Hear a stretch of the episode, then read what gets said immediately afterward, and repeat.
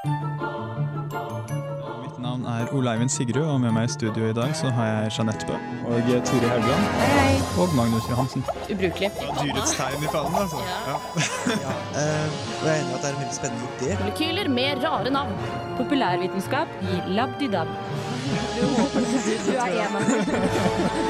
Uillustrert vitenskap.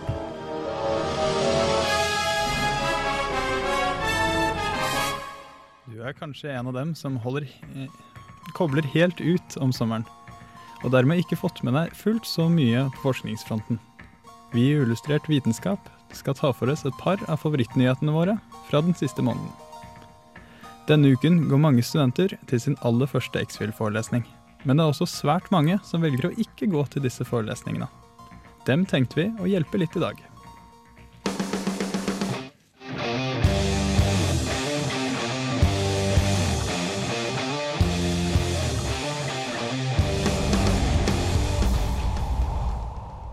Det var eh, The Sword som fikk åpne semesterets aller første uillustrert vitenskap.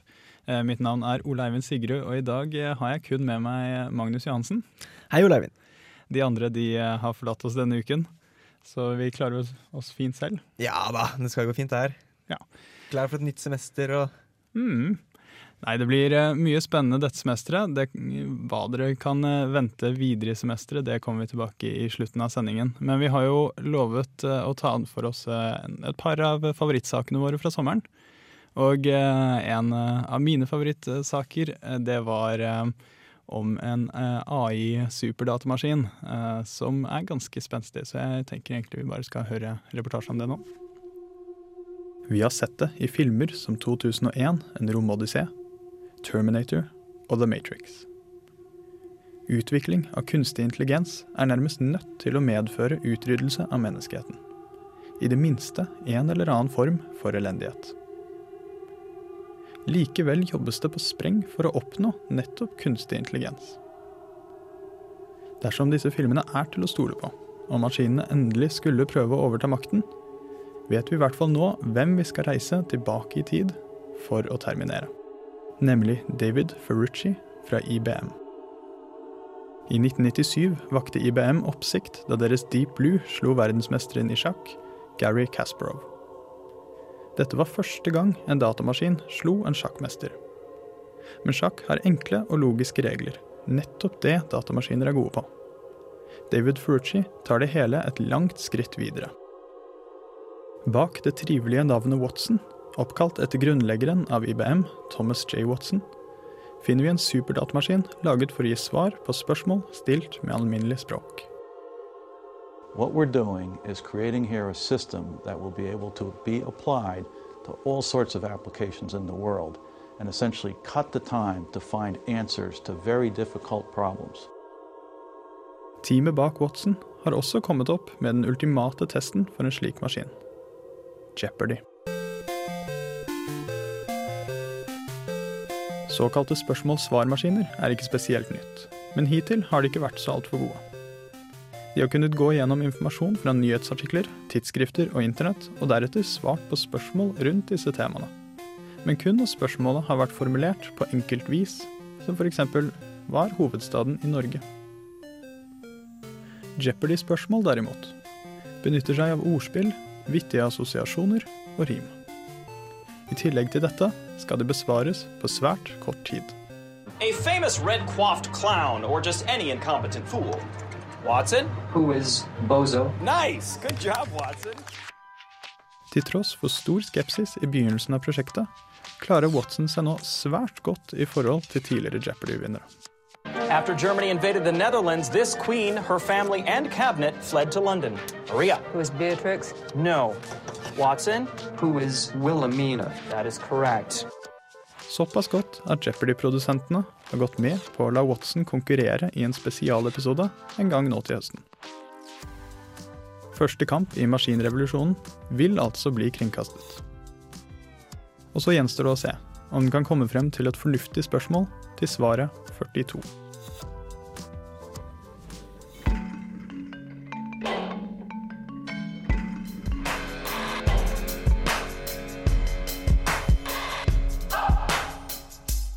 Passende nok eh, hørte vi der eh, Kaizers Orchestra med maskineri. Eh, Før det hørte jo du litt om denne datamaskinen Watson. Den fantastiske Watson. Ja. Jeg er fascinert over en, en datamaskin som kan knuse meg i Jeopardy. Det er rett og slett Det er ganske kult. imponerende. Og ja, det er jo vel å merke at denne maskinen er jo ikke koblet til internett. Eh, Den kan jo ha hentet veldig mange av kildene sine fra internett, men eh, den, ikke, den slår ikke opp på internett idet den blir spurt. Nei, og Det jeg syns er så drøyt, er at den kan, den kan så mye om så masse. For det ligger et klipp ute på internett hvor eh, store deler av den Jeopardy-seansen til Watson ligger ute. Og Der svarer den spørsmål på bl.a. referanser til REM-tekster. Og da skal du ha lagra så sinnssykt mye inni maskinen, tenker jeg, for at, for at maskinen skal liksom forstå referansene til en sangtekst. Ja, ehm, og dette er jo da selvfølgelig noe vi ikke kunne gjort eh, for eh, 15 år siden. eh, fordi det krever jo forferdelig mye lagringsplass og eh, prosessorkraft for å hente ut all den informasjonen. Ja. Eh, men da, hvordan eh, ville du trodd en sånn eh, maskin fungerte?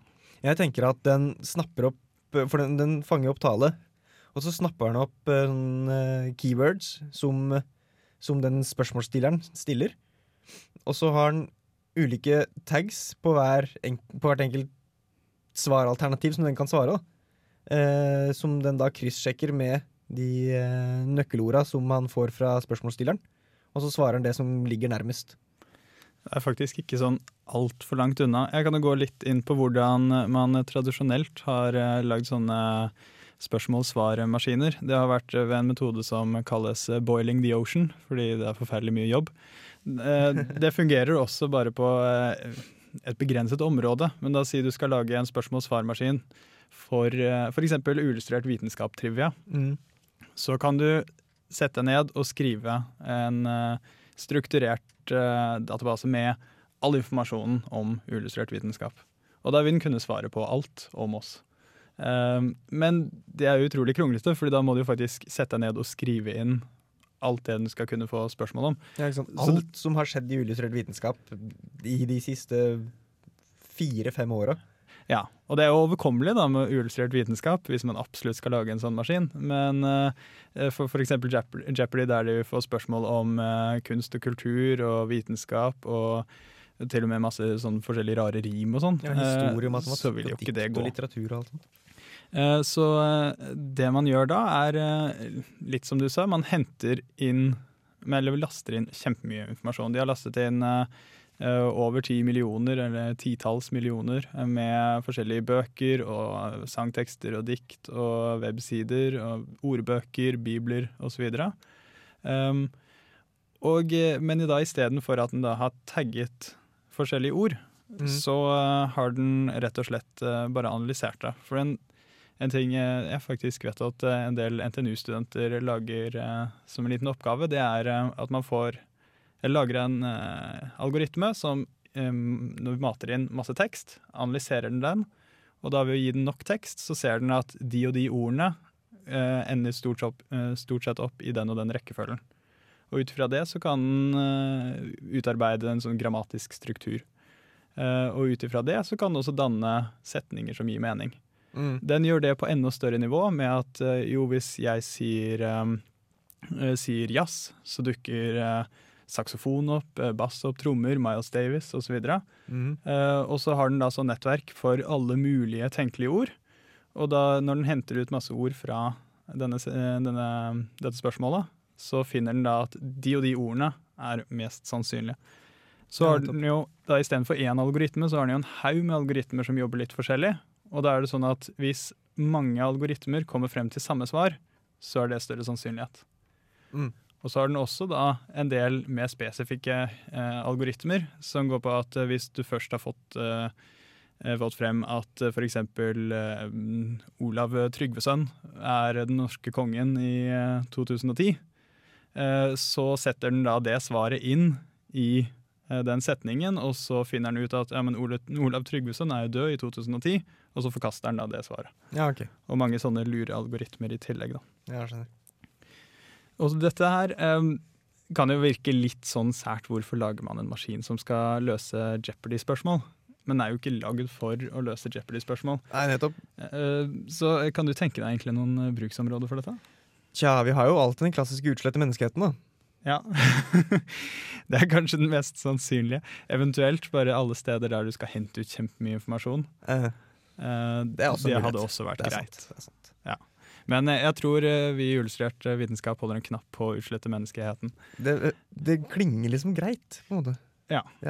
Og eh, hvis man eh, først skal lage noe som utsletter menneskeheten, så trenger man et eh, godt grep på vitenskapen. Og her har du hjulpet oss litt, Magnus. Yes, det er jo smekkfullt av nye studenter i Trondheim, og de trenger jo en innføring i hva vitenskap er.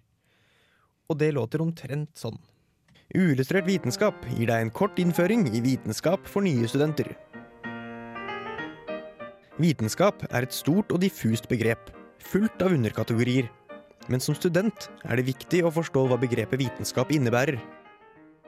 For å forstå hva vitenskap er, og hva som gjør noe til vitenskap, må vi aller først vite hvor vitenskapen kommer fra.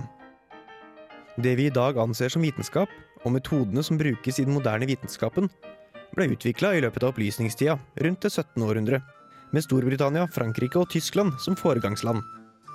Det var her prinsippene for den moderne vitenskapen ble laga. Under middelalderen var det som regel helt greit å forklare ting ut ifra religiøsitet og overtro.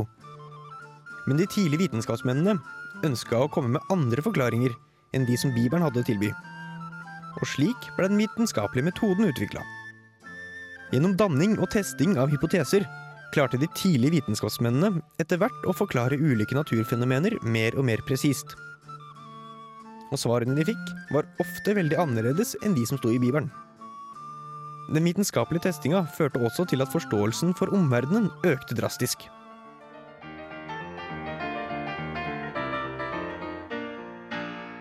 Fremdeles er danning og testing av hypoteser det sentrale elementet i vitenskapelig forskning. Men for at forskning skal kunne kvalifiseres som vitenskapelig, er det også en rekke andre kriterier som oppfylles. For det første er det viktig at forskningen er repliserbar. Altså at det skal være mulig for andre å kopiere det de har gjort, og få det samme resultatet. Forskningen må også kunne være falsifiserbar. Dette innebærer at hvis konklusjonen som et forskningsprosjekt kommer med er feil, så må denne feilen kunne bevises gjennom videre forskning. I tillegg stilles det ulike krav til hvordan man kan forklare ulike fenomener. Det er f.eks. fremdeles ikke greit å basere sine forklaringer på overnaturlige fenomener, fordi dette ikke kan testes. Dette innebærer bl.a. at det ikke kan kalles vitenskapelig hvis du forklarer naturkatastrofer med at det er Gud som står bak. Skal man holde på med vitenskap, er det til slutt viktig å huske på at det er stor forskjell på en teori og en hypotese. Mens en teori er et forenklet bilde av virkeligheten som har til hensikt å forklare en sammenheng, er en hypotese en antagelse som kan testes gjennom bruk av teori. En teori innenfor vitenskapen må derfor være en allerede legitim forklaring på et fenomen. Et godt eksempel på en vitenskapelig teori er teorien om tyngdekraften. For å kunne kalle deg vitenskapsmann, så er det selvfølgelig mye mer enn bare dette du må kunne. Men vi i Uillustrert vitenskap håper likevel vi har gitt deg noen fordeler fram mot det nye semesteret. Uillustrert vitenskap. Radio Revolt. This is Charles L. Bennett from Johns Hopkins University. Science, it works, bitches.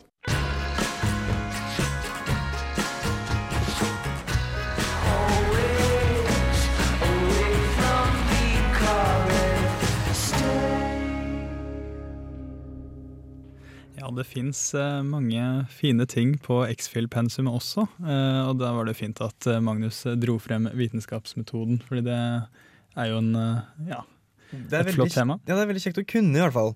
Sånn, både for å se om forskning er tull, men også for å gjennomskue holdt på å si, når eh, vanlige lekfolk snakker dritt. da. Altså, Det er ganske mye man kan si og late som at det er vitenskapelig, men har du peiling på vitenskapelig metode, så er det mye lettere å gjennomskue det.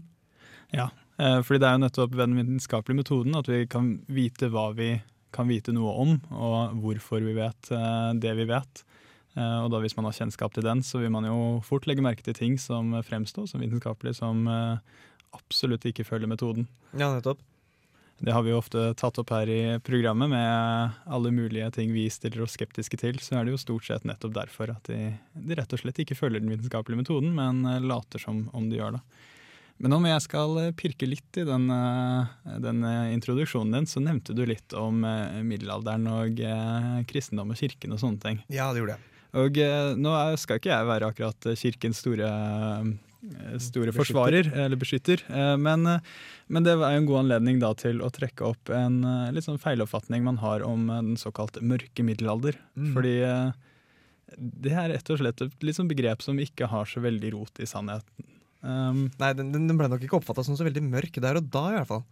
Nei, eh, og det har kommet litt sånn i ettertid, når man har romantisert eh, antikken og renessansen, så er man da litt sånn ja, men da det er mellom, det må jo være skikkelig mørkt og dystert. Og så, eh, så har man da skapt hele denne historien om at da var alt undertrykt, det var ikke noe utvikling, og eh, det var undertrykkelse fra kirken og alt det der. Eh, nå er jo det mange sannheter i de forskjellige, men at det var en så mørk og dyster periode, og det var mer overtro enn antikken og renessansen, det det vil jeg stille meg veldig skeptisk til. Eh, og så har den jo et par sånne klassiske feiloppfatninger der, blant annet eh, flat jord. Fordi alle i middelalderen trodde jo at jorden var flat. Ja, det har jo Man har jo lært det. Ja, det, det sto faktisk i eh, skolebøkene, eller en av skolebøkene mine på barneskolen, at eh, Columbus eh, han, han var jo så modig fordi han trosset alle de som trodde det var en flat jord. Men ingen i middelalderen, nå var jo ikke Columbus i middelalderen engang, men ingen i middelalderen trodde, eller av opplyste folk med utdannelse, trodde på en flat jord. Det at jorden var rund, det hadde de funnet ut lenge før middelalderen. De hadde til og med hatt eh, utregnet eh, omkretsen på jorden med en feilmargin på 10% eller noe sånt noe. Yes. Ved hjelp av skygger og pinner og sånn. Mm. Eh, Så er det jo noe annet vi alle forbinder med den mørke middelalder, det er jo heksebrenning. Oh, den klassiske heksebrenninga. Det er flott. Ser jo for oss uh, heksescenen i Monty Pythons uh, Holy Grail. Uh, det er en klassiker, men det skjedde ikke i middelalderen, det heller. Det skjedde faktisk Det meste av det da, skjedde i tidlig moderne tid. Man, eh, det første kjente tilfellet man har, det er i eh, 1324, men det aller meste var mellom eh, 1580 og 1630. Eh, altså ikke middelalder, det heller. Nei, det her er jo på samme tida som eh, eh, Galileo Galilei levde, for Ja. eksempel. Men nå har vi jo eh, gitt litt sånn nyttig informasjon til eh, alle disse nye studentene som skal ta X-Fill. Eh, men for noen så kan det kanskje høres ut som det her er eh, veldig mye å ta inn og lære, og eh, det virker kanskje litt som en stor oppgave. Men da har vi et intervju som kanskje beroliger alle disse nye studentene med at det kan gå greit, selv om du ikke får med deg alt.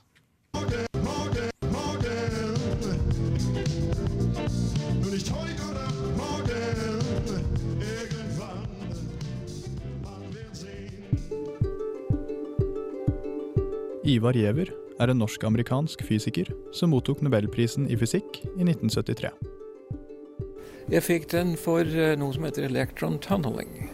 Og hvis du ikke kan fysikk, så høres det helt urimelig ut. fordi det betyr at en partikkel kan gå fra, fra sted A til sted B uten å være mellom A og B. Han kan være i A, og så går han til B, men han er aldri mellom A eller B. Og det høres ikke riktig ut for meg som var mekanisk ingeniør, da, så høres det helt tullerusk ut. ikke sant? Det var derfor jeg fikk prisen. Hans senere forskning, siden tidlig på 70-tallet, har hovedsakelig vært innen biofysikk. For meg så er biofysikk å anvende fysikk for å løse biologiske problemer.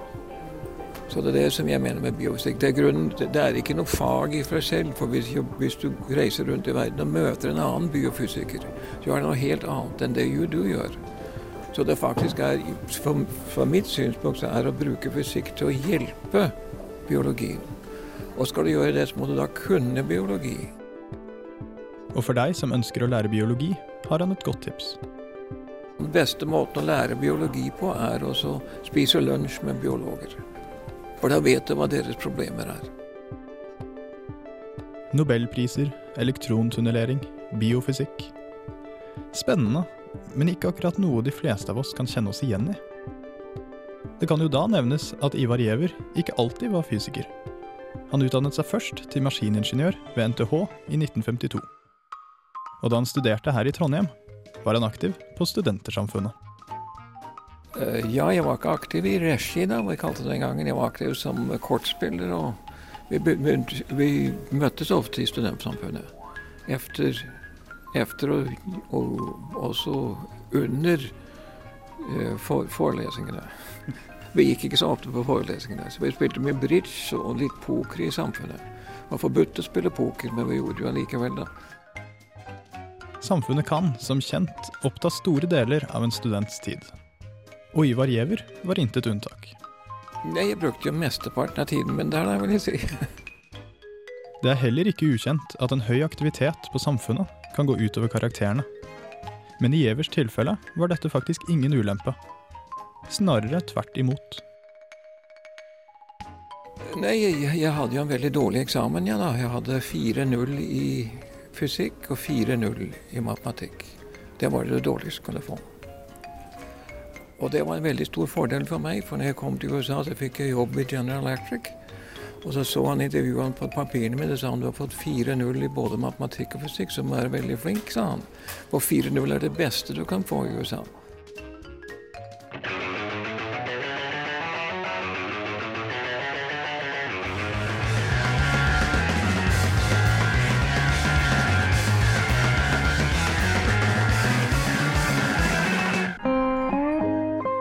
Tenker over det, så tror jeg faktisk sommeren er den årstida jeg liker best. Med varme, lyse kvelder, grilling, utepils, og sånn kunne jeg egentlig bare fortsatt. Det er bare én ting med sommeren som jeg ikke liker. Myggen. Hvor mange ganger har jeg vel egentlig tatt meg selv i å tenke at finnes det egentlig noe mer ubrukelig enn mygg? Vel, så feil kan man ta. Japanske forskere har nemlig klart å finne en funksjon selv for disse irriterende insektene. Ved å genmodifisere mygg har de nemlig klart å gjøre det slik at myggen kan spre vaksiner heller enn smittestoffer. Et konsept som er kjent ved navnet den flygende vaksinatøren. Blodsugende leddyr som mygg og sandfluer kan nemlig overføre parasitter når de suger.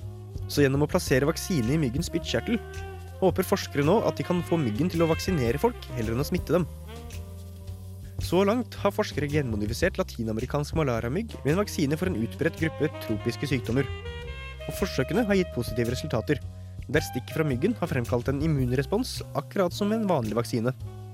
Dette er første gang noen lykkes med et slikt forsøk, og man håper nå at dette kan utvikles til å bli en mulig vaksinasjonsmetode i fremtiden. Den vanligste sykdommen som blir spredd av mygg, er malaria. En sykdom som tar livet av mellom 1,5 og 2 millioner mennesker hvert år. Se for deg om man kunne genmodifisert malariamygg til å i stedet for å bære smitte, bære vaksine. Selv om malaria er en sykdom som forekommer også i Asia, Midtøsten, Latin-Amerika og Oseania, forekommer opp mot 90% av verdens malariadødsfall i Afrika alene. Dette skyldes at vaksinasjonsmulighetene i mange afrikanske land er veldig dårlige. Ved å frakte vaksinen gjennom genmodifisert mygg kan man løse dette problemet. Og vaksinen kan bli tilgjengelig til en betraktelig større andel av de som er aller mest utsatt for malariadødsfall. Gjennom at man regelmessig blir stukket av malariavaksinerende mygg, er håpet at dette også kan føre til at man får regelmessig påfyll av vaksine. Men selv om dette er en metode som potensielt kan redde mange liv, er det fremdeles flere både etiske og praktiske problemer tilknytta det å genmodifisere mygg til å bære vaksine. For det første mister man kontrollen over vaksineringa, slik at man ikke kan sørge for at hver enkelt får riktig dosering av vaksinen. For det andre kan man ikke bestemme om man vil bli stukket av mygg eller ikke, noe som gjør at man ikke lenger har muligheten til å velge å avstå fra å vaksinere seg. Dette er to store problemer knytta opp mot det å genmodifisere mygg med vaksine. Og en viktig årsak til at denne formen for vaksinering neppe vil se dagens lys med det første. Likevel er dette et resultat som viser at teorien om den flygende vaksinatøren ikke lenger bare er en teori, men noe som faktisk kan la seg gjennomføre i praksis. Du hører på Radio Revolt, studentradioen i Trondheim. Cause it's gonna be the day, it's gonna be the day, it's gonna be the day, it's gonna be the day, it's gonna be the day, it's gonna be the day, it's gonna be the day, it's gonna be Det er nylig blitt oppdaget nok en dinosaurart. Men denne ble ikke funnet ute i felten. Arten ble oppdaget av paleontolog Nicholas Longridge da han studerte fossilsamlingen ved The American Museum of Natural History i New York. Arten hører til gruppen ceratopsider, også iblant kalt neshorndinosaurer, som er kjennetegnet ved å ha nebb og nakkekrage. Mange av dem har også horn, bl.a. Triceratops og Torosaurus, som er bakgrunnen for navnet ceratopsia, gresk for hornfjes. Det finnes over et dusin forskjellige ceratopsider, men nakkekragen på den ene fossilen lignet ikke på noen av de kjente artene. Siden fant han flere eksemplarer i museumssamlinger i Vest-Canada. Dinosauren har en langt mer prangete nakkekrage enn andre nesehorndinosaurer. Så da det ble klart at det var snakk om en ny art, ville Longridge gi den et navn som sto til utseendet. Etter noen øl sammen med paleontologkollegaer endte han opp med navnet Mojo Ceratops. Navnet ble sittende. Mojo er et afroamerikansk uttrykk fra begynnelsen av 1900-tallet som ble brukt om en magisk gjenstand som skulle tiltrekke personer av motsatt kjønn. Ikke helt ulikt den antatte funksjonen til Mojo Ceratops i øyenfallende nakkekrage. Mojo Ceratops eh, det er kanskje mitt eh, favorittdinosaurnavn. Altså. Ja, det er, eh, det er flott. Mm, Så sikkert flott ut også, tenker jeg. Ja, antagelig. En heit dinosaur. Men eh, den har jo egentlig ganske god konkurranse på eh, å ha ja, et artig eller originalt uh, dinosaurnavn. For jeg har jo uh, gått på nettet da, og prøvd å finne noen andre med tilsvarende morsomme navn. Og det var det jo i hvert fall ikke mangel på. Uh, vi kan jo egentlig bare begynne med den, faktisk, den første dinosauren som noensinne ble beskrevet og navngitt. Dette var i 1676. Eh, Den heter i dag noe så kjedelig som megalosaurus. Men eh, da den først ble beskrevet, så fikk den navnet skrotum humanum. Eh, Og det er Hvem fant på det? ja, ikke sant? Nei, eh, du skjønner, det første de fant, eller han fant, han eh, som oppdaget den, det var et lårbein. Jaha. Og eh, da han så bunnen av lårbenet, så så jo det egentlig litt ut som et skrotum med to testikler. Ja, nettopp. Så da fikk det jo naturlig nok navnet skrotum humanum. Å, se det beinet her, det ligner på en pikk. Vi kaller det opp etter Det er nok sånn det gikk. Jeg er skeptisk til kreativiteten. Dette var på 1600-tallet, var kanskje før eh, testikkelvitser eh, ble gamle og kjipe. Ja, kanskje det. Kanskje. Kanskje, kanskje. I hvert fall i 1815 da, så eh, fant de flere ben, og da fikk det et litt mer fornuftig navn, Megalosaurus. Men ellers så har vi jo Bambiraptor, som er en 30 cm høy, veldig søt kjøtteter. Så har du Teknosaurus, som antagelig liker teknovikingene. Mm, selvfølgelig. Og så har du Erektopus, et annet litt sånn under beltestedet morsomt. Erektopus? eh, Erektopus. Mhm. Høres morsomst ut, men, eh, men det, betyr jo egentlig ja. bare oppreist fot. Ja, ikke sant? Så den har Så- sin naturlige forklaring. ja. Men, men hvis, du, hvis du tenker i riktige baner, så blir det morsomt for det. Så har du eh, Elvisaurus. Oppkalt etter Elvis, fordi den har en litt sånn rar utvekstgreie på hodet, som kan minne litt om en eh, Elvis-sveis. Jeg vet ikke om det kan anses å være kompliment for Elvis, at, liksom, at den dinosauren med en utvekst på hodet blir kalt opp etter ham, Men eh, Nei, eh, godt sagt det der. Men eh, når, vi har snakket om dinosaurer, så tenkte vi å trekke frem en litt eh, eldre låt, eh, så her kommer Beatles med 'Dry My Car'.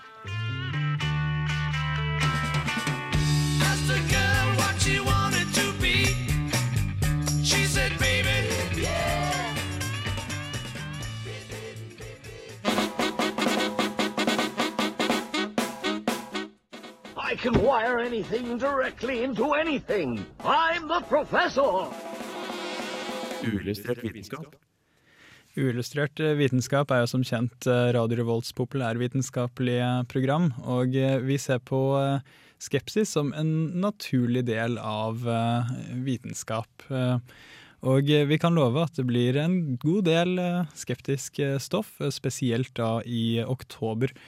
Eh, I fjor var jeg ved TAM London og fikk noen intervjuer derfra. Eh, Og eh, dit stikker jeg nå i år også.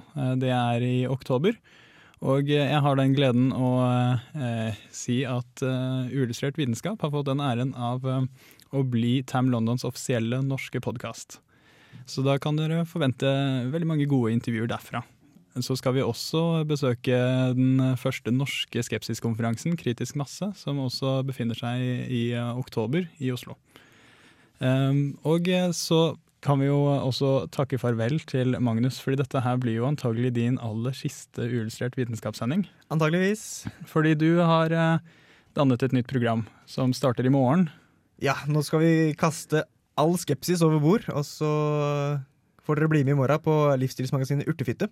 Hva, hva var det, sa du? Livsstilsmagasinet Urtefitte. Det er et, eh, det er et alternativt li- livsstilsmagasin, der vi skal prøve, prøve ut hva det innebærer å leve en alternativ livsstil.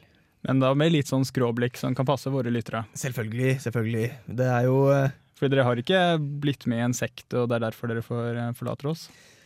Nei, det er i hvert fall ikke derfor vi forlater dere. Eh, sekten er jo Man er jo alltid med i en sekt. Man må jo være med i en sekt. Ellers er det ikke noe gøy. Uh, nei, men Vi skal i hvert fall prøve mye, mye rart i løpet av semesteret. Ja. uh, kunne du bare gi en kort uh, forklaring på hvor kommer det navnet fra? For det høres jo voldsomt vulgært ut. Ja, det er voldsomt vulgært. Ei urtefitte er jo Se for deg ei 40-50 år gammel tedrikkende dame som er kav alternativ og har barna sine på alternativ som bondegårdsskole og gjør ting alternativt fordi det er alternativt. Ikke har spist kjøtt siden tidlig på 90-tallet. Den den typen person er vel det som er, er å karakterisere som en urtefitte. Ja. Så lytt til det, alle våre lyttere. Jeg tror det vil falle i smak eh, hos eh, dere også. I tillegg til dette skeptiske stoffet jeg lovte, eh, som kommer spesielt mye av i oktober, så vil vi jo fortsette som normalt og snakke om eh, gode populærvitenskapelige ting som eh, sexy dinosaurer og myggevaksiner og alt slikt. Så eh, ja, følg med. Vi finnes på iTunes og radiorevolt.no slash podkast som podkast, og gjerne spre det til dine venner. Mitt navn er Ole Eivind Sigrud. Med meg har jeg hatt Magnus Johansen. Og eh, vår fabelaktige tekniker Sverre Magnus Mørk. Takk for oss. Ha det bra.